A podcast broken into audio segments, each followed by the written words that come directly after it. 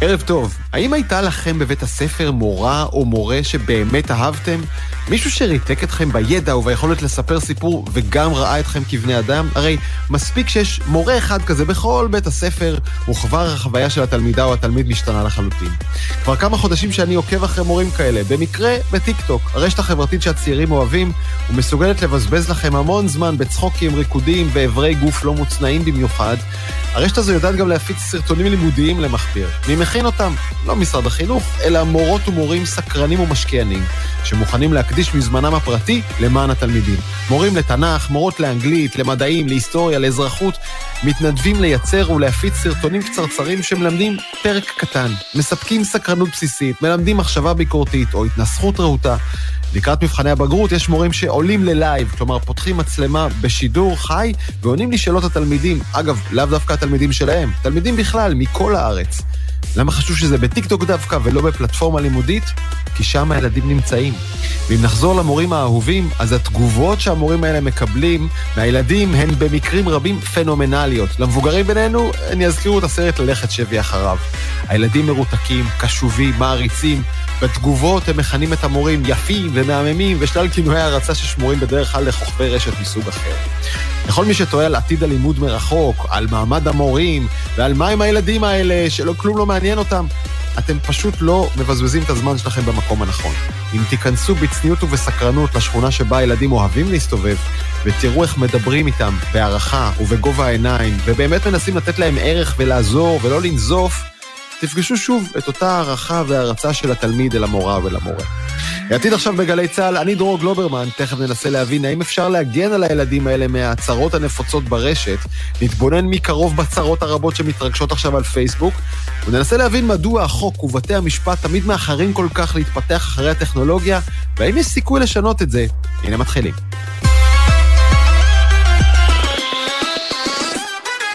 היום ממש מסתיים לו השבוע הלאומי לגלישה בטוחה, ורן בראון, מנהל מכון מתבגרים, אפשר להגיד שהבעיה סודרה? הרמאויות, ההתעללויות וההטרדות המיניות ברשת נגמרו? הבעיה לא רק שלא סודרה, היא גם החמירה, ושבוע גלישה בטוחה הוא בערך כמו יום מודעות להבדיל אלף אלפי הבדלות לסרטן ולהרבה דברים כאלה, הוא מסמן לנו שוב פעם שהבעיה עדיין קיימת, הוא בטח לא הפתרון. אה, אנחנו רואים החמרה, אנחנו רואים גם בנתונים שמוקד 105 מפרסמים כל שנה שיש רק החמרה. אז רגע, אפשר, אפשר לראות את זה בשתי דרכים. אפשר לומר, אה, לנוכח ההחמרה, אז כל המדיניות של הטיפול בהתעללויות ברשת היא שגויה ולא יעילה, או שאולי, אלמלא כל הפעילות הזו, ההחמרה הייתה גבוהה בהרבה, והפעילות הזו עוזרת לרסן ולו במעט. נכון, אז זה תמיד, אתה יודע, כל התערבות, ברגע שיש התערבות, היא תביא איזשהו שינוי. השאלה אם אנחנו אה, מודדים מה השינוי שקרה כתוצאה מההתערבות, החל ממוקד 105 ודרך כל תוכניות ההתערבויות שקיימות היום בבתי ספר כדי למנוע אה, בריונות ולעודד גלישה בטוחה. Mm-hmm. השאלה היא בכלל אנחנו יודעים לסמן מטרה למה אנחנו רוצים להגיע, כי שינוי תמיד נראה. אה, אנחנו שוכחים פה שני דברים. אחד, שבמקרה של הרשתות החברתיות, המדיום הוא המסר. הרשת עצמה בנויה בצורה כזו שהיא תוציא מאיתנו אכזריות, הקצנה, כעס וזעם מתפשטים שם הרבה יותר מהר מכל דבר אחר, כי ככה זה בנוי, ולכן אפשר להמשיך לחנך, זה חשוב לצורך המניעה, אבל כל עוד אין פה הרתעה, ואין הרתעה, גם כשאני מסתכל על הנתונים של 105, אז אנחנו רואים כל שנה כמה אירועים היו. אבל האם מישהו יודע מה זה אומר טיפול? איך הם נסגרו? האם באמת בצד... עכשיו, אנחנו רואים באופן כללי ירידה בהרתעה של המשטרה בציבור, אז על אחת כמה וכמה כשזה אה, קשור לדברים שקורים מאחורי המסך. אין הרתעה, ובמקומות שבהם החינוך לא עוזר, חייבת להיות חקיקה נוקשה, אבל גם שקל לאכוף אותה ולרמש אותה. רגע, אז מה, מה אני מבין ממך, ערן? אין, אין חקיקה, אין חינוך ואין הרתעה, ההתעללויות וההטרדות המיניות רק הולכות ומתגברות ואין מה לעשות ו... עם זה? רגע, רגע, לא אמרתי שאין אה, חינוך, יש חינוך, אני אומר שלצד החינוך והמניעה, חייבת mm-hmm. להיות הרתעה במקרים האלה, וההרתעה לא כן. לא קיימת. יש חקיקה, אנחנו יודעים שיש את חוק הסרטונים, אנחנו יודעים שאנחנו הולכים לתבוע לשון הרע, אבל התהליכים כל כך מסורבלים וארוכים, בטח בשביל ילדים שצריכים לממש את זה, שבפועל זה לא באמת קורה, ואני חושב שלצד זה שמפרסמים לנו כל פעם כמה פניות היו ומשנה לשנה זה גדל, בואו רגע נבין מה, מה קרה עם הפניות האלה, האם בצד השני באמת יש ענישה ואכיפה של החוק, או שפשוט הן נסגרות. כי לא באמת שמע, לא בדקתי, אבל, אבל מהסיפורים שאני שומע, יש הרבה יותר מקרים של בדרך כלל צעירות שנאלצות אה, לעזוב את בית ספר, ולפעמים המשפחה צריכה לעזוב את השכונה או את העיר כי הופצה תמונת עירום. הרבה יותר מקרים כאלה מאשר מקרים של, אה, בדרך כלל, שוב לצערי, בני נוער שמועמדים לדין, או משלמים את המחיר על הפצה של תמונות כאלה. אז החוויה שלי מהשטח, ואני פוגש המון בני נוער בשטח, היא גם כזאתי, שאומרת שזה יותר פנייה סוציאלית, שאתה יודע, יש פתאום קו חם שאפשר לפנות, אז יש איזה כתובת, אבל האם בסופו של דבר באמת נוצרה הרתעה אצל הצד השני, וכשילדים אה, נכנסים לתוך הרשת, הם באמת חושבים, שנייה, יכול לקרות פה משהו שהוא הרבה יותר חמור מבחינת החוק, מהמפגשים שלי זה לא קיים. גם... האמת שזה די מזעזע, אנחנו מדברים כבר על כמה שנים טובות שבהן קיים מאמץ לפחות תקשורתי, אה, אבל גם חינוכי בבתי הספר, אה, לחנך להתנהגות בטוחה ברשת, להזהיר מהסכנות, להזהיר גם את הקורבנות הפוטנציאליים ובטח את המעוולים הפוטנציאליים. זה לא עובד, אה? אין, אין תוכנית לאומית באמת? החינוך, אני חושב שאת החינוך מיצינו, אין תוכנית. יש אה, אה, פיזור של כספים, וכל בית ספר צריך עכשיו עם הכספים האלה לחשוב עם עצמו מה הוא רוצה לעשות, אבל אין לזה משהו מוסדר, ויותר מזה, אין מדידה. אין רגע בחינה של כל אחת מהתוכניות, מה היה המצב לפני, מה היה המצב אחרי התוכנית, מה היה המצב עוד שנה. איזה תוכניות עובדות? לאף אחד אין מושג. אבל אני אומר, לצד החינוך חייבת להיות הרתעה, וחייבים שהאכיפה תהיה קלה. זאת אומרת, בשביל מישהו שרוצה עכשיו להתלונן ולתבוע, זה חייב להיות תהליך קל, וזה לא קורה היום, ולכן הרבה מוותרים. שמע, משרד החינוך מספר שהוא אה, הקצה לנושא, לנושא חצי מיליארד שקל, אה, נכון? במהלך השנה כדי לטפל בדיוק בעניינים האלה. הוא הקצה חצי מיליארד שקל כדי לצמצם פערים רגשיים שלכאורה נובעים מהשנתיים האחרונות של הקורונה והמשברים. Mm, כלומר זה אגב הקורונה, עכשיו... זה לאו דווקא גלישה בטוחה, כן. נכון, אבל אנחנו יודעים שכתוצאה מזמן מסך ובידודים, אז באמת נוצרו פערים רגשיים, ופערים רגשיים אחרי זה באים לידי ביטוי גם באלימות ברשת וגם באלימות אה, פנים אל פנים. זאת אומרת, יש קשר בין הדברים, אבל עכשיו נשאלת השאלה, אוקיי, אז יקצו חצי מיליארד שקל, ומה עכשיו? הייתה איזה תוכנית? בודקים מה בתי הספר עושים עם הכספים האלה, בודקים האם החצי מיליארד שקל האלה באמת יביאו לאיזשהו צמצום פערים, אני מהמר שלא. זאת אומרת שאין תוכנית שמלווה את זה, ואין שוב את הבדיקה מה המצב כן. הנתון ומה יקרה בעוד שנה אחרי שהשקענו את החצי מיליארד שקל.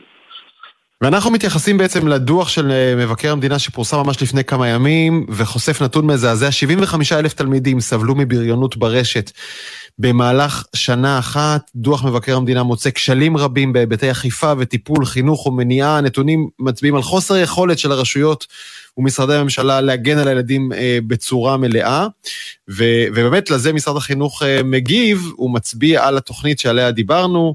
אה, של אה, חצי מיליארד שקל, שבמסגרתם מוקצים 45 עד 90 אלף שקל לטיפול אה, בבריונות ברשת בבתי ספר יסודיים וחטיבות ביניים, וקצת פחות מזה בתיכונים. על פניו יש מסגרת ויש כסף, אז איפה הבעיה, רן? מה אפשר לעשות? רגע, יש כסף, יש כסף. מה התוכנית? הוא מצביע קוראים לה גפן, זה מה שאני יודע מתגובת משרד החינוך. לא, גפן, זו, גפן זאת המערכת שלתוכה צריך, שלתוכה צריך כל מנהל להזין את התוכניות mm-hmm. שהוא בוחר מתוך מאגר התוכניות. עכשיו כן. זה דורש רגע מהמנהל לשבת, להבין מה התוכניות, ויש שם עשרות אם לא מאות תוכניות, אני לא יודע, אף פעם לא בדקתי, אבל אה, אני מכיר את המאגר. אה, אבל, אבל סביב איזה רעיון מארגן, סביב איזה מסגרת, מה המטרה, מה זה רוצה להשיג, איך נדע באמת שהשגנו את המטרה. מש, דבר כזה אני לא מכיר במשרד החינוך. אז יש כסף ויש מגוון רחב של תוכניות, אבל מדינה של מה עובד ומה לא עובד, ומיפוי של הפערים בכל בית ספר כשנדע בדיוק איזה תוכנית מתאימה, זה אין. אתה יודע, זה מזכיר לי אה, בדיוק את אותו סיפור גם מלימודים מרחוק. הוקצו לא חצי מיליארד שקל, אלא יותר ממיליארד שקל לאורך עשר שנים להקמת מערכות של למידה מרחוק, בלי קשר לקורונה. אה, וכשהגיעה הקורונה, אה, אה, חלק מהמערכות האלה קרסו, ובחלק האחר המורים והמנהלים קיבלו חופש מוחלט לעשות כרצונם. כמו כאן, אין מדידה, כך לפי מבקר המדינה, אין מדידה של מה, במה משתמשים המורים, מה עובד, מה מוצלח, וככה גם בסוף אנחנו בזום, והכסף הזה בעצם סוג של הלך לפח, כי אנחנו אתה יודע, לא משתמשים בו ולא יודעים מה קורה איתו, ומה קורה במערכות האלה. אז בעצם זה אותו סימפטום, חוסר ניהול. חוסר ניהול, חוסר מדידה וחוסר הרתעה. אפילו בבגרויות יש משהו שאתה יכול למדוד אה, את תהליך הלמידה. כאן אין את זה. וברגע שאין את זה, אנחנו לא יודעים איזה תוכניות, תוכניות עובדות. יש אין ספור תוכניות בשוק, אני יודע כי אני גם אחד מהם. אני הרבה פעמים מתאמץ לעשות את המדידה שלי, אבל באופן כללי מי שצריך לעשות את המדידה זה לא הספק, ומשרד החינוך צריך למדוד מה עובד, מה לא עובד, גם בטווח הקצר וגם בטווח הארוך, וזה לא קיים. רן בראון, בוא, בוא רק נודה לסיום שהבעיה היא באמת מורכבת, מתמודדים איתה בכל העולם, כי גם עם זה פתחת, האלגוריתמים עצמם, הכל כך חזקים של הרשתות החברתיות, פייסבוק, טיק טוק, אינסטגרם וכולם, מעודדים את הסוגים האלה של הפגיעה במידה מסוימת, אה, ו, ולא בטוח שמשרד החינוך הישראלי הוא זה שיכול להם. זה נכון, צריך לקחת, זה קודם כל נכון, זה בעיה עולמית ואי אפשר לשים פה את הכל במשרד החינוך, צריך אבל כן להסתכל על עוד נתון, אנחנו בין המקומות הראשונים בעולם בגיל מתן סמארטפון. וזה לא משרד החינוך אשם. זאת אומרת, יש פה איזושהי תרבות של ההורים שמציידים את הילדים במכשיר הזה בגיל מאוד צעיר, וכשאתה מצייד את הילד במכשיר הזה, מהר מאוד התקשורת שלו עוברת מתקשורת פרונטלית לתקשורת מאחורי מסך, וחד משמעית היכולת לפתח אמפתיה, חמלה, מתקהה ויורדת כשרוב התקשורת שלך מאחורי מסך, וכאן אולי יש פה חינוך של הציבור שאנחנו צריכים לעשות בצורה יותר טובה, כדי בכלל לדחות את גיל מתן הסמארטפונים, כדי לאפשר לילדים לפתח את המיומנויות האלה בשלב יותר מוקדם. רן בראון, אני אגיד לך, ההורה הממוצע, אני חייב לתת לו סמארטפון כדי שייתן לי שקט, כי אני רוצה להיות בסמארטפון שלי בעצמי. תודה רבה על השיחה נכון, הזאת. תודה, תודה דרור. משרד החינוך מסר לנו בתגובה שמערכת גפן מאפשרת ביצוע ליווי, בקרה ומדידה על התקציב שעומד לרשות בתי הספר בהתאם לתוכנית העבודה הבית ספרית. תוכנית זו מבוקרת בידי גורמי פיקוח, רשות בעלות, בקרים והנהלת המשרד.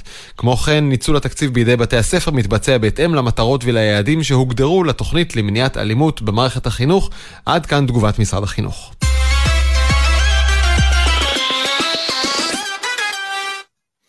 לא יודע אם הרגשתם את האדמה רועדת, אבל אחרי שבשבוע שעבר רשמה מניית פייסבוק בארצות הברית את הקריסה הגדולה ביותר מעולם בהיסטוריה של הבורסה, החברה איבדה משוויה ביום אחד 250 מיליארד דולר, השבוע כבר צחצחה פייסבוק חרבות מול אירופה, ועימה פייסבוק תפסיק לפעול במדינות היבשת. ויקי אוסלנדר מכלכליסט ופרופסור אריה רייך, סגן הרקטור של אוניברסיטת בר אילן, אז זהו, פייסבוק, נקודותיים, הסוף? אני לא מאמין. אוקיי, okay, אז בזה אתם מסכימים, וגם אני כמובן. אה, ויקי, בואי נתחיל איתך. מה קרה לפייסבוק בארצות הברית? איך זה שהחברה מאבדת רבע משוויה בתוך כמה דקות? אה, טוב, הסיפור כאן הוא הכל סביב דוחות פייסבוק, גם האירוע מול אירופה וגם אה, הנפילה במחיר המניה. אה, בפעם הראשונה מזה 18 שנה פייסבוק מציגה שהיא מאבדת משתמשים יומיים, אה, מדובר על מספר זניח מאוד, יחסית, חצי מיליון אה, משתמשים. לעומת 1.93 אה, מיליארד איש שעדיין משתמשים באופן יומי בפלטפורמה, ואני מדברת ספציפית על פלטפורמת פייסבוק, צריך להיזהר לא לבלבל, אה, לא אינסטגרם, לא וואטסאפ, והקיפאון הזה והירידה הזאת לראשונה מאותתים לשוק אה, כמו שצריך, שבעצם הפלטפורמה הזאת היא פלטפורמה שכנראה מזדקנת, צעירים פחות ממהרים להצטרף אליה, ולכן לטווח הארוך המשקיעים מעריכים שיכול להיות שהיא לא תצליח להניב את אותם רווחים כמו שהיא מניבה היום, והיא חברה מאוד מאוד רווחית, רק נזכיר שב-2021 היא סיכמה אותה עם כמעט רווח נקי של 40 מיליארד דולר. כן, אה, אז, אז דבר ראשון, פייסבוק נראה שהיא, אה, עקומת הצמיחה התלולה שלה הגיעה לכדי פלטו, אין יותר לאן לגדול, אבל גם איומים מצד גוגל וטיק טוק ואפל אה, עושים למשקיעים חלושס. כן, יש כל מיני אירועים שקשורים לפרטיות, שפייסבוק מציינת בדוחות הכספיים שלה, שיכולים להשפיע על הרווחיות שלה אה, בזמן הקרוב, במיוחד היא מציינת את המהלכים שעושה אפל כדי, כדי לאפשר למשתמשים שלה לא, אה, שלא יעשו עליהם נתונים צד שלישי, והיא מאותתת שכבר היא חושבת שבשנה הבאה, אם הדברים ימשיכו ככה, זה עלול לעלות לה בכ-10 מיליארד דולר בהכנסות, וגם זה כנראה משתקף בדוחות. וכמו שסיפרת גם, ההערה הנקודתית לגבי הפעילות שלה באירופה מאותתת את המשקיעים שלא ורוד שם. כן, אמ, ואם מדברים על אירופה, אז פרופסור אריה רייך, אני, אני אגיד את תוארך במלואו, סגן הרקטור של אוניברסיטת בר אילן, הוא מומחה למשפט האיחוד האירופי. באירופה מלכתחילה, נכון, לא מתים על ענקיות הטכנולוגיה האמריקאית, וכבר שנים ככה שמחים להצר את צעדיהן במדינות האיחוד. אה, גם זה, גם זה, ודיברנו על זה בהקשר התחרותי בעבר, הפעם הסיפור הוא סיפור של פרטיות. באירופה יש תקנות הגנת הפרטיות הכי מחמירות אה, בכל העולם. והאירופים אה, לא מסתפקים בזה שחברות אירופיות יעמדו בהם, אלא גם מצפים שכל מי שיש לו איזשהו אפק עם אירופה יעמוד בכללים האלה, כולל חברות ישראליות. זו הסיבה שגם אנחנו פה בישראל בעצם התאמנו את ה... תקנות הגנת הפרטיות שלנו לדרישות אה, האירופיות. עכשיו, חברת פייסבוק שיושבת באירלנד, שזה באירופה, מעבירה את המידע, והרי המידע שהחברה הזאת אוספת עלינו, על הנוהגים שלנו, על העדפות שלנו, זה הנכס הכי חשוב שיש לחברה הזאת. היא מעבירה את, ה. את המידע הזה לחברת האם שלה בארצות הברית, ושם עושים למידע הזה עיבוד, ומחזירים את זה לפייסבוק באירלנד כדי שהיא תוכל להתאים לנו את, ה, את הפרסומות שמתאימות לנו ואת המידע שמתאים לנו. עכשיו, האירופים מגינים מאוד על המידע של האזרחים שלה ולא לא מוכנים שיעבירו את זה למדינה אחרת שבה לא שוררים אותם אה, סטנדרטים גבוהים של הגנת הפרטיות. ופה נכנס... אז איך הגענו למצב ש... שבו, שבו פייסבוק מאיימת, אנחנו נעזוב את אירופה ונפסיק לתת שירות, ובגרמניה וצרפת מושכים כתפיים ואומרים, שומעים, אז לכו. איך הגענו לזה? בעצם מה שקרה, יש אחד שהוא אשם בזה, יש בחור אה, מאוד נמרץ בשם מקס אה, שרמס, אוסטרי, כן. שהוא מנהל אה, מלחמה משפטית נגד פייסבוק ובעד הגנת הפרטיות, והוא הצליח פעמיים לגרום לבית הדין האירופי לבטל הסכם שהושג בין האיחוד האירופי לבין ממשלת ארה"ב אה, להגנת אה, הפרטיות והבטחת המידע שמועבר מאירופה לארצות הברית, ובית הדין קבע שההסכם הזה לא מגן מספיק על אה, הפרטיות של אזרחי אירופה, ולכן הוא מבוטל. ובעצם וואו. כן, ההודעה הזאת שיצאה מפייסבוק היא בעצם מבטאת סוג של, של מצוקה. תשמעו, אתם חייבים לפתור לנו את הבעיה הזאת. הם יושבים עכשיו, ממשלת ארה"ב ואירופה, ומנסים להגיע להסכמות, ובעצם זה סוג של אה, קריאת מצוקה או, או איום, אם לא תגיעו לאיזשהו הסכם סביר, אנחנו לא נוכל להמשיך לפעול. אבל תקן אותי אם אני טועה, האירופאים אה, לא מצמצו ואמרו לפייסבוק, אה, שומעים, הנה הדלת, אתם מוזמנים לעוף. כן, גם אמרו את זה, תשמע, זה חלק מה, מהפופוליזם, אבל... אה, אתה לא מתרגש. לא, לא, אתה יודע, הם, הם מאיימים, אז הם אומרים תעזבו. היא אמרה, אה, שרת התחרות אמרה, זה יחסוך לי 20 דקות כל ביום שאני מבזבז על, על, על אינסטגרם. אה, ויקי, מה את אומרת? יש סיכוי באמת שהקשר המסחרי עתיר המיליארדים בין פייסבוק וכל מדינות האיחוד האירופי יתנתק בגלל שאירופה לא מסכימה לאפשר לפייסבוק להעביר את נתוני אזרחיה לארצות הברית וחזרה? אני לא מאמין, כמו שאמרתי בהתחלה. כן, בבקשה. מילה מוויקי, כן? אה, ממש לא.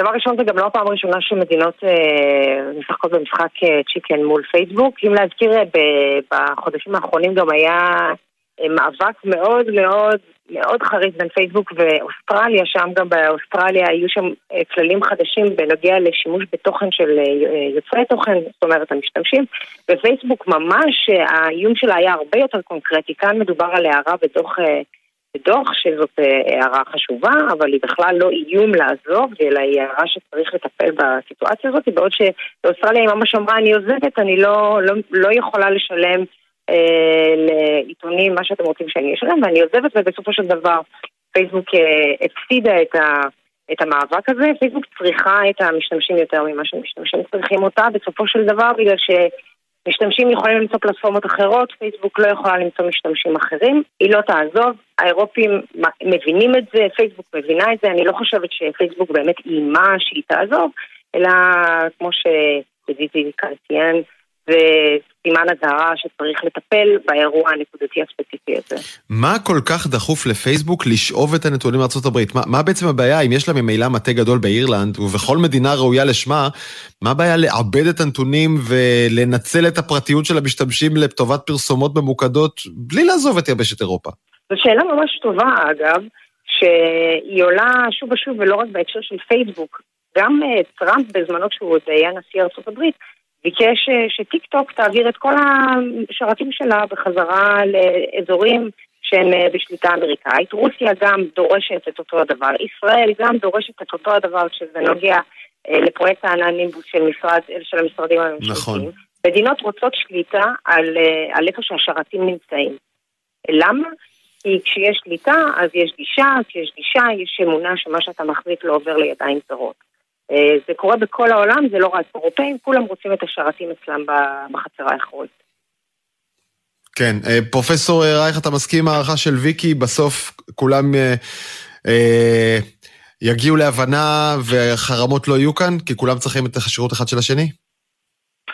אני כן, אני מאמין ככה. באמת, אני גם חושב שהייתה מין חובה כזאת משפטית על פייסבוק להכניס את ההערה הזאת בדוח שלה לממשל, כי מבחינתה זה מסוג הדברים שמשפיעים על הפעילות שלה ועל היכולת שלה להרוויח. אז היא הייתה חייבת להכניס את ההודעה הזאת, ולעומת זאת בעל פה הנציגים שלה מבטיחים, אומרים לא, לא, אין לנו כוונה לעזוב את אירופה. כן, רק אה, נגיד, כבר כמה ימים אחרי אותה קריסה במניות, התאוששות עוד אין, אה, וזה בהחלט אה, מסקרן גם לעתיד. פרופסור אריה רייך מאוניברסיטת בר אילן וויקי אוסלדר בכלכליסט, תודה רבה לשניכם. תודה רבה.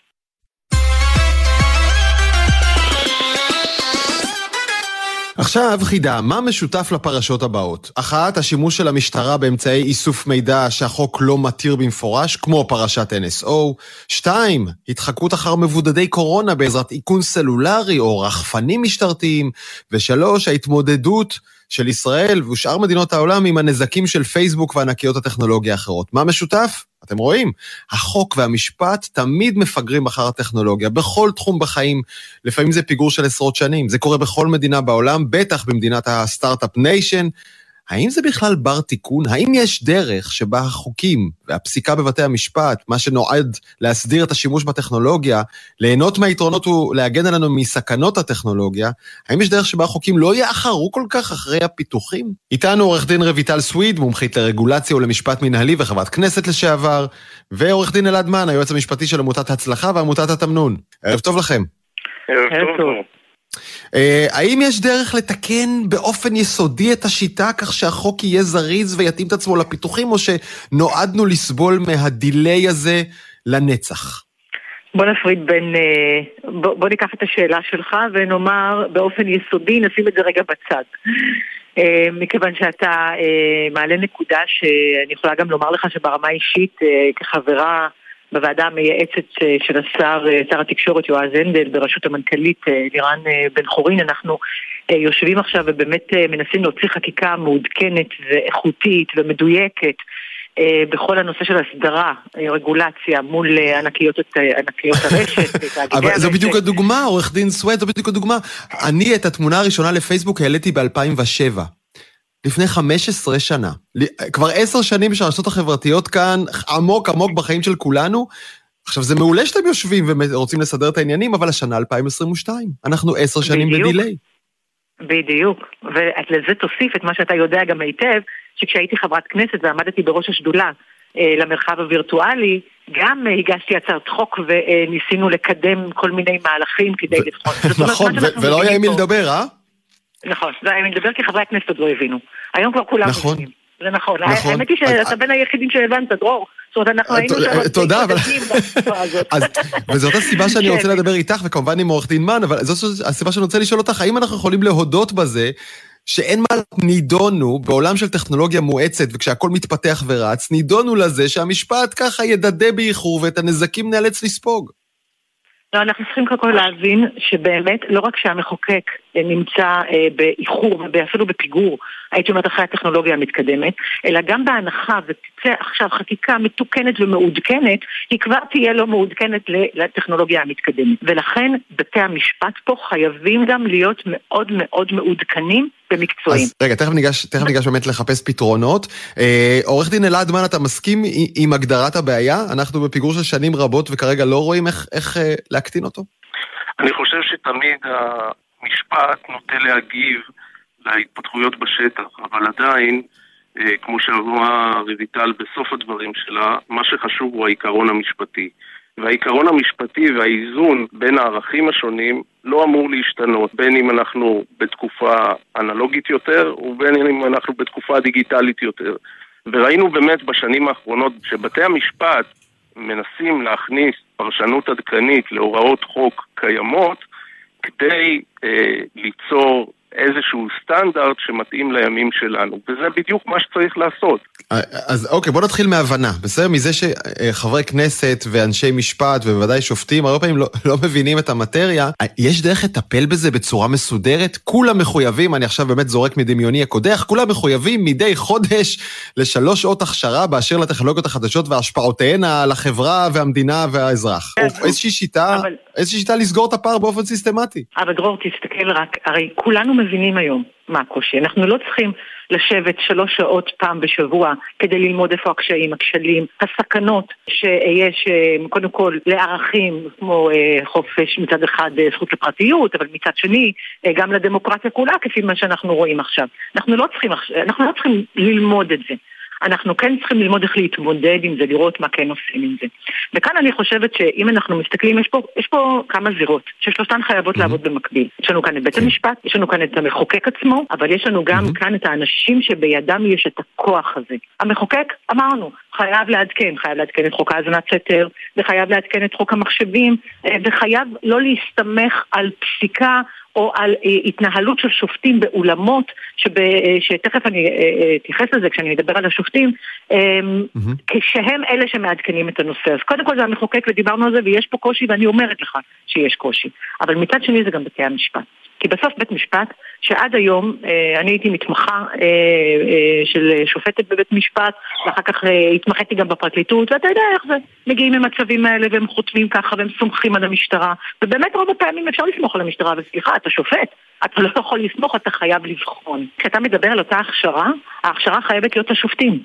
ואם עד עכשיו, לפי החוק, זה רק נשיא בית המשפט המחוזי שיכול mm-hmm. לבוא ולחתום על הצווים, אז עכשיו אנחנו צריכים שיהיה אה, שופט ייעודי שיעבור את ההכשרות ויבין מה לבחון ויבין מה לבדוק ויבין מה לבקש. שופט טכנולוגי ייעודי, אולי אפילו בית משפט לדברים כאלה. עורך דין אלעדמן, כמה אתה נתקל בשופטים שלא באמת מבינים על מה אתה מדבר? אני חושב שהבעיה היא לא רק במישור הפרסונלי, אלא גם במישור המערכתי, ולכן אה, אולי קצת בניגוד למה שרויטל אמרה, אני חושב שאוריינות טכנולוגית גם ברמת החקיקה וגם ברמת היישום בפועל אצל השופטים היא דבר שהוא חשוב, מכיוון שהוא מעודד גם ביקורתיות כלפי אה, הבקשות, והוא מאפשר להבין יותר את האחידות בין מה שמוגזם מדי, מה שאסור, מה שניתן לעשות ואת המידתיות של הצעדים.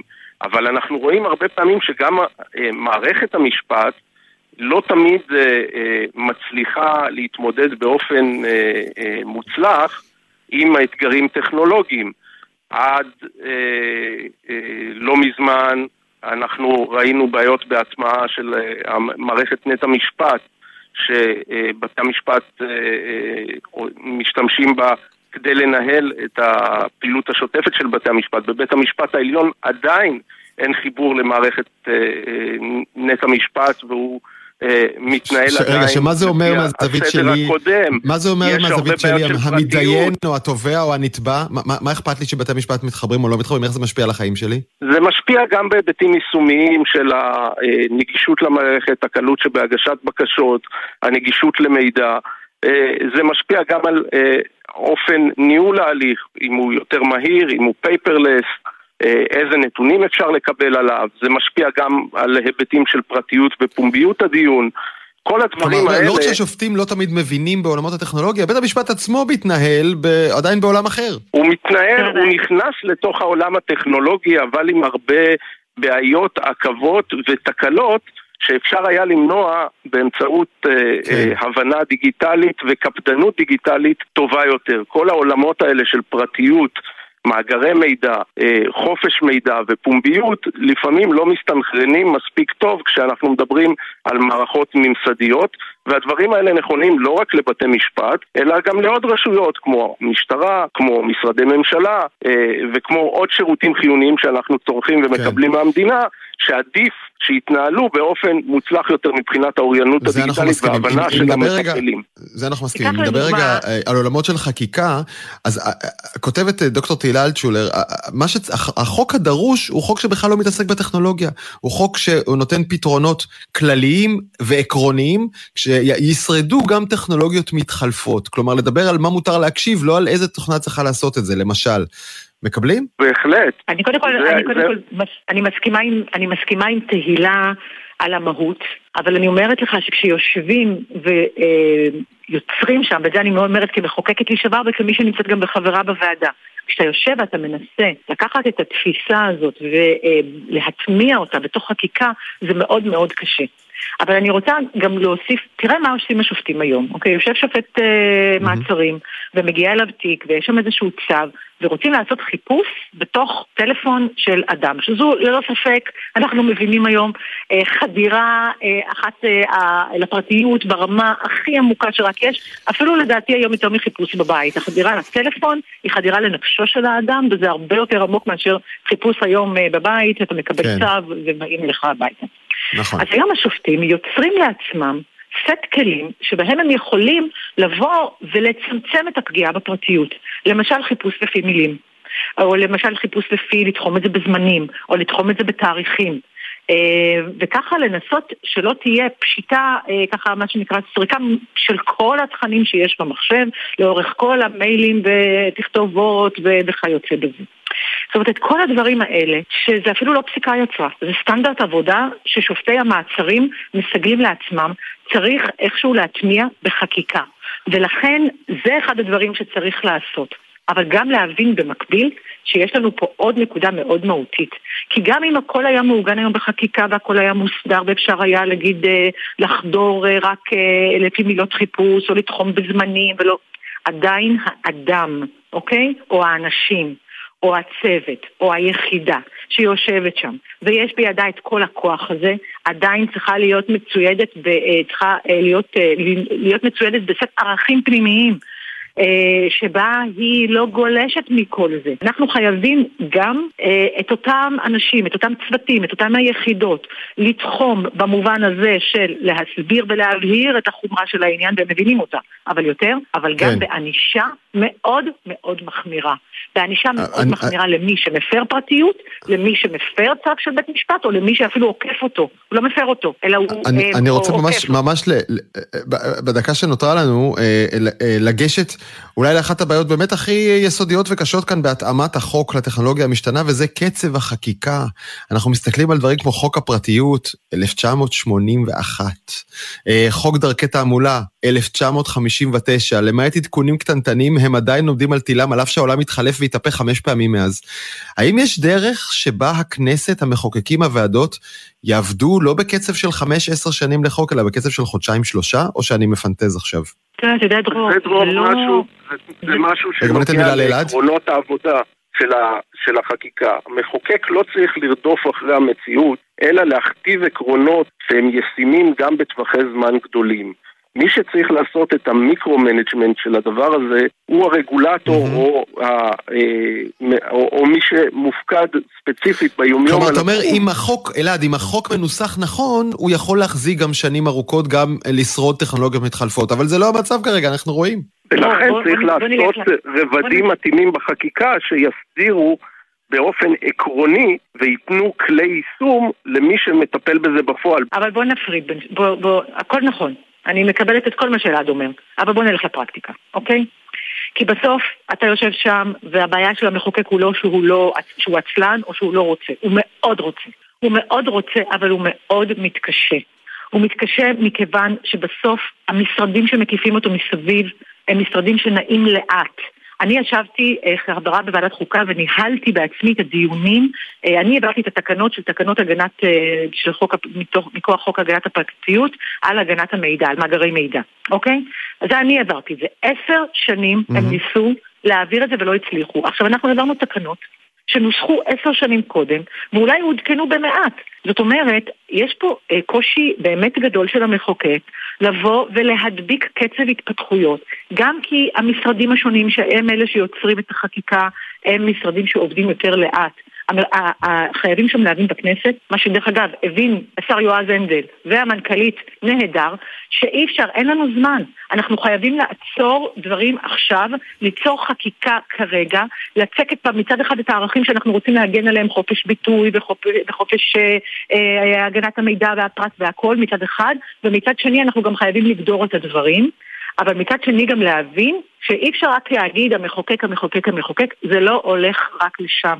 זה חייב להיות גם בעוד, אה, אה, בעוד אה, רשויות מסביב שחייבות להבין שאם הן לא, אם אנחנו לא נקום כולנו ונבין שהדבר הזה קם עלינו, לא קם עלינו בפרטיות שלנו, קם עלינו בדמוקרטיה שלנו, אוקיי? אם אנחנו לא נבין את זה מהר, אה, אי אפשר יהיה לעצור את ה... כן.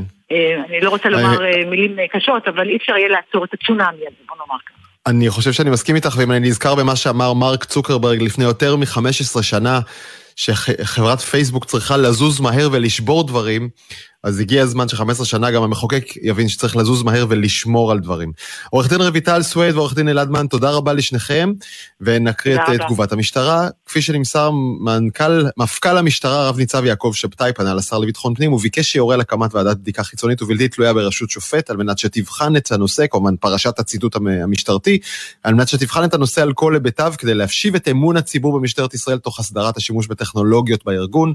משטרת ישראל תשתף פעולה באופן מלא ובשקיפות עם הוועדה, או ככל שימצאו אי סדרים או כשלים, אלה יטופלו בהתאם לחוק. עד כאן תגובת המשטרה לפרשת NSO, כמובן שהנושא שלנו גדול בהרבה, ויש עוד הרבה לעשות.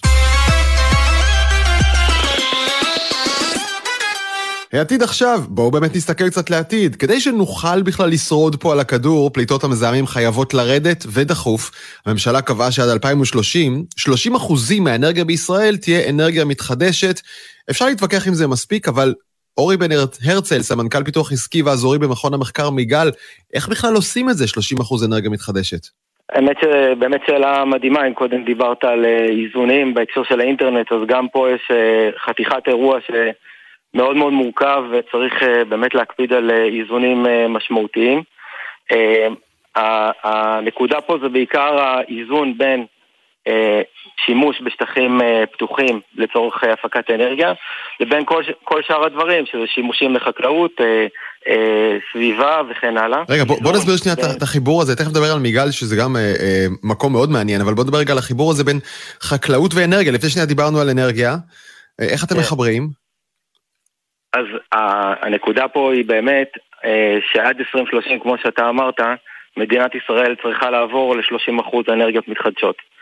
היום אה, רוב השטחים שהוקצו בעצם הצבה של פאנלים סולאריים אה, ליצירת אנרגיה כמעט אה, מוצו אה, לגמרי.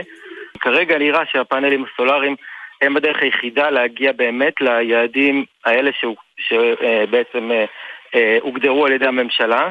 אוקיי, כלומר 200 אלף, אם אני חוזר לנתונים שאמרת, 200 אלף דונם של פאנלים סולאריים אמורים לעמוד, לעזור לנו לעמוד ביעד, או הדרך היחידה לעמוד ביעד של 30% אנרגיה מתחדשת, הבנתי נכון? נכון. נכון מאוד. אמ, וצריך לשים פה כוכבית די גדולה, זה לפי הטכנולוגיות הידועות לנו ב-2022, כי, כי אנחנו יודעים שטכנולוגיות מתחלפות מהר, וגם בעולם הזה של פאנלים סולאריים כל כמה שנים, יש משהו אחר, הרבה יותר יעיל ו... אה, נכון? נכון מאוד, אז כשאנחנו מסתכלים על 2030 מבחינת טכנולוגית, מבחינת האנרגיה, אז אנחנו, בעצם זה מחר, אבל אנחנו באמת, לפי, לפי גם החישובים של ההתפתחות הטכנולוגית, אה, עד 2030 זה כרגע, זה כרגע ההנחה, אה, שאנחנו צריכים באמת אה, להגיע לכ-200 אלף דונם של, של פאנלים כאלה. אנחנו במכון שלנו חוקרים את הבלנס בין סביבה, חקלאות ואוכלוסייה, ופה אנחנו מזהים באמת הזדמנות, שהיא הזדמנות מאוד מאוד משמעותית. היא משמעותית. או, אז בוא נסביר אותה בדיוק, בוא אוקיי. נגדר איך, איך, איך נראית בדיוק ההזדמנות הזו, מה, מה הולך לקרות? שטחי חקלאות שמגדלים בהם אה, אה, תבואות, אוכל, יכוסו גם במקביל בפאנלים אה, אה, סולאריים? נכון מאוד, אז לכאורה זה נשמע מאוד פשוט, אה, כאילו אה, מישהו שבאמת אה, אה, חושב, אוקיי, מה, מה, מה, מה, כן, מה המורכבות כאן? אפשר לקחת פאנלים סולאריים, בעצם להציב אותם, אם זה במטעים, ה, בשורות שבין העצים, או בג, בגידולי שדה או על חממות, אבל mm-hmm. כמו שבעצם אה, החקלאות עובדת, אה, למעשה היא מבוססת על פוטוסינתזה, שזה ניצול אנרגיית האור בעצם ליצירת mm-hmm. סוכר וביומאסה של, של הצמח, ומפה גם נוצר היבול, איכות, כמות וכן הלאה. אה, וברגע שאנחנו מפריעים לדבר הזה, אז זה יכול לגרום לפחיתה ביבול, לפחיתה באיכות. ומכאן באמת... בקיצור, אסור לעשות צל על המטעים ועל העצים, אז, אז איפה שמים את הפאנלים הסולאריים כך שגם יהיו באותו שטח, אבל גם לא יעשו צל לעצים?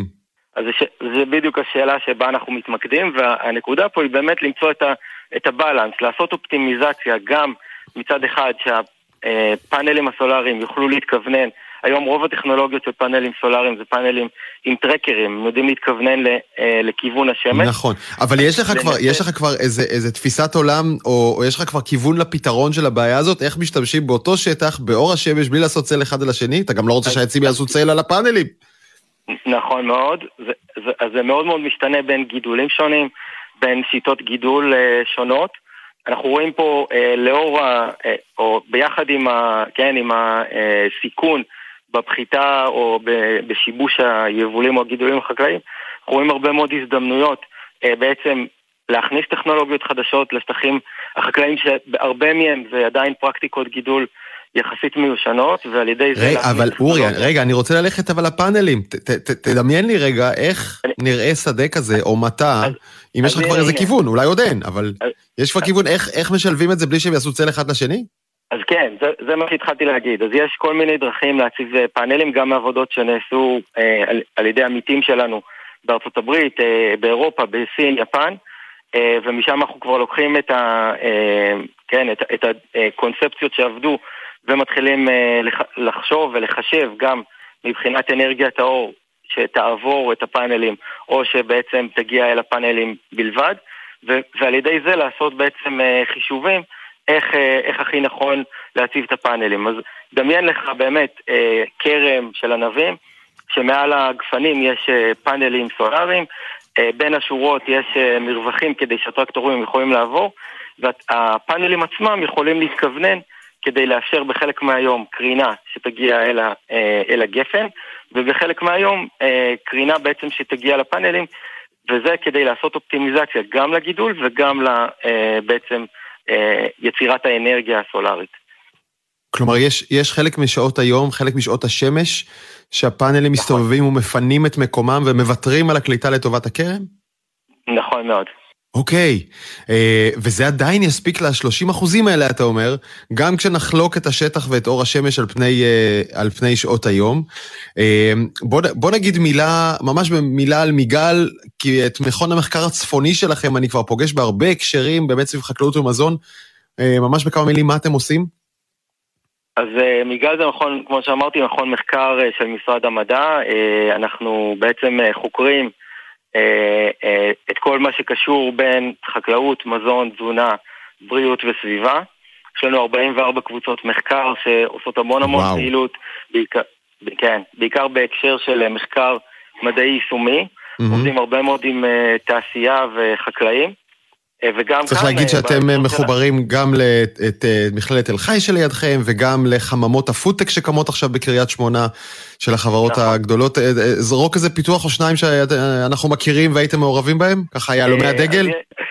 יש חברת ג'נטי ביו בתחום של בעצם תרופות למחלות אוטואימוניות שמאוד מצליחה כרגע בארצות הברית. אולי בארץ יש את חברת פרוג'יני, שזו חברה ש... אה, ביחד עם חממת טרנד אה, אה, מקווה לפתח ומפתחת את הטכנולוגיות הבאות בהקשרים של הגנת הצומח. אולי עוד חברה שהקמנו ביחד עם חממת The Kitchen, בעצם לשימוש בפטריות לחומרי גלם למזון, ועוד, יש לנו mm-hmm. באמת deal flow מאוד מרשים. אה, טוב, אני ממליץ באמת לכל מי שמתעניין בעולם הזה של אה, חדשנות, חקלאות, סביבה ומזון, אה, לעקוב אחרי מה שאתם עושים, זה באמת מרתק. אני רוצה מאוד להודות לך, אורי בן הרצל. תודה רבה. רק הערה אחרונה, יש, יש לנו כנס שאנחנו עושים בנושא הזה, באמת כדי לחבר בין כל העולמות. בראשון במרץ, כולם מוזמנים, זה כנס פתוח לקהל הרחב. תודה רבה.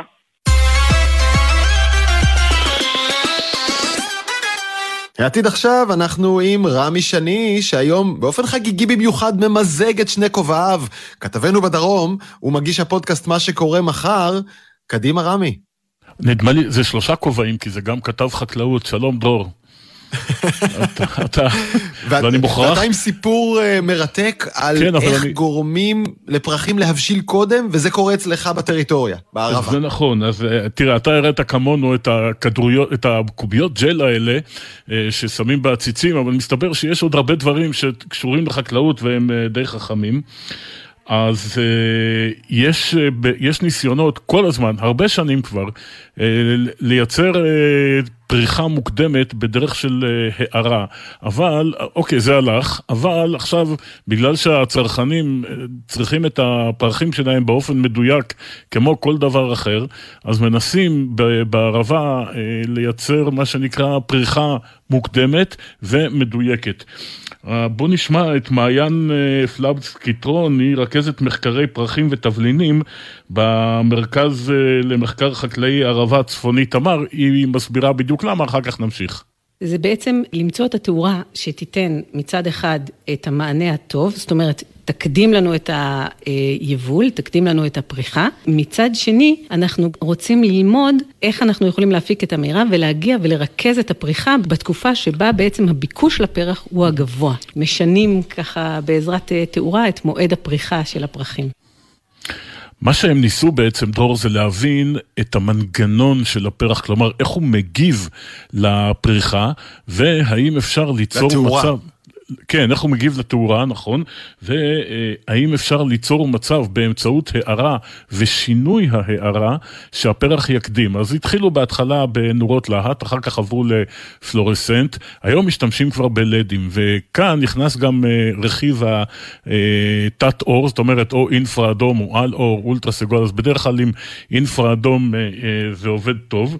ואפשר ככה להאיר את מנגנון הפריחה שלו, אה, בוא נגיד 18 אה, שעות ביום, לפעמים גם 16 שעות ביום, ואז הוא מגיע לפריחה בדיוק בזמן שאתה רוצה. וואו, כלומר, אה, במקום שהפרחים יהיו מפוזרים לאורך ימות ושבועות השנה באופן יחסית שווה, או לפי מחזורי השתילה, יכול, יכול החקלאי ממש לכוון בעזרת האור, כך שכמה שיותר פרחים יפרחו לו בדיוק מה? שלוש שעות לפני שמטוס המטען להולנד יוצא?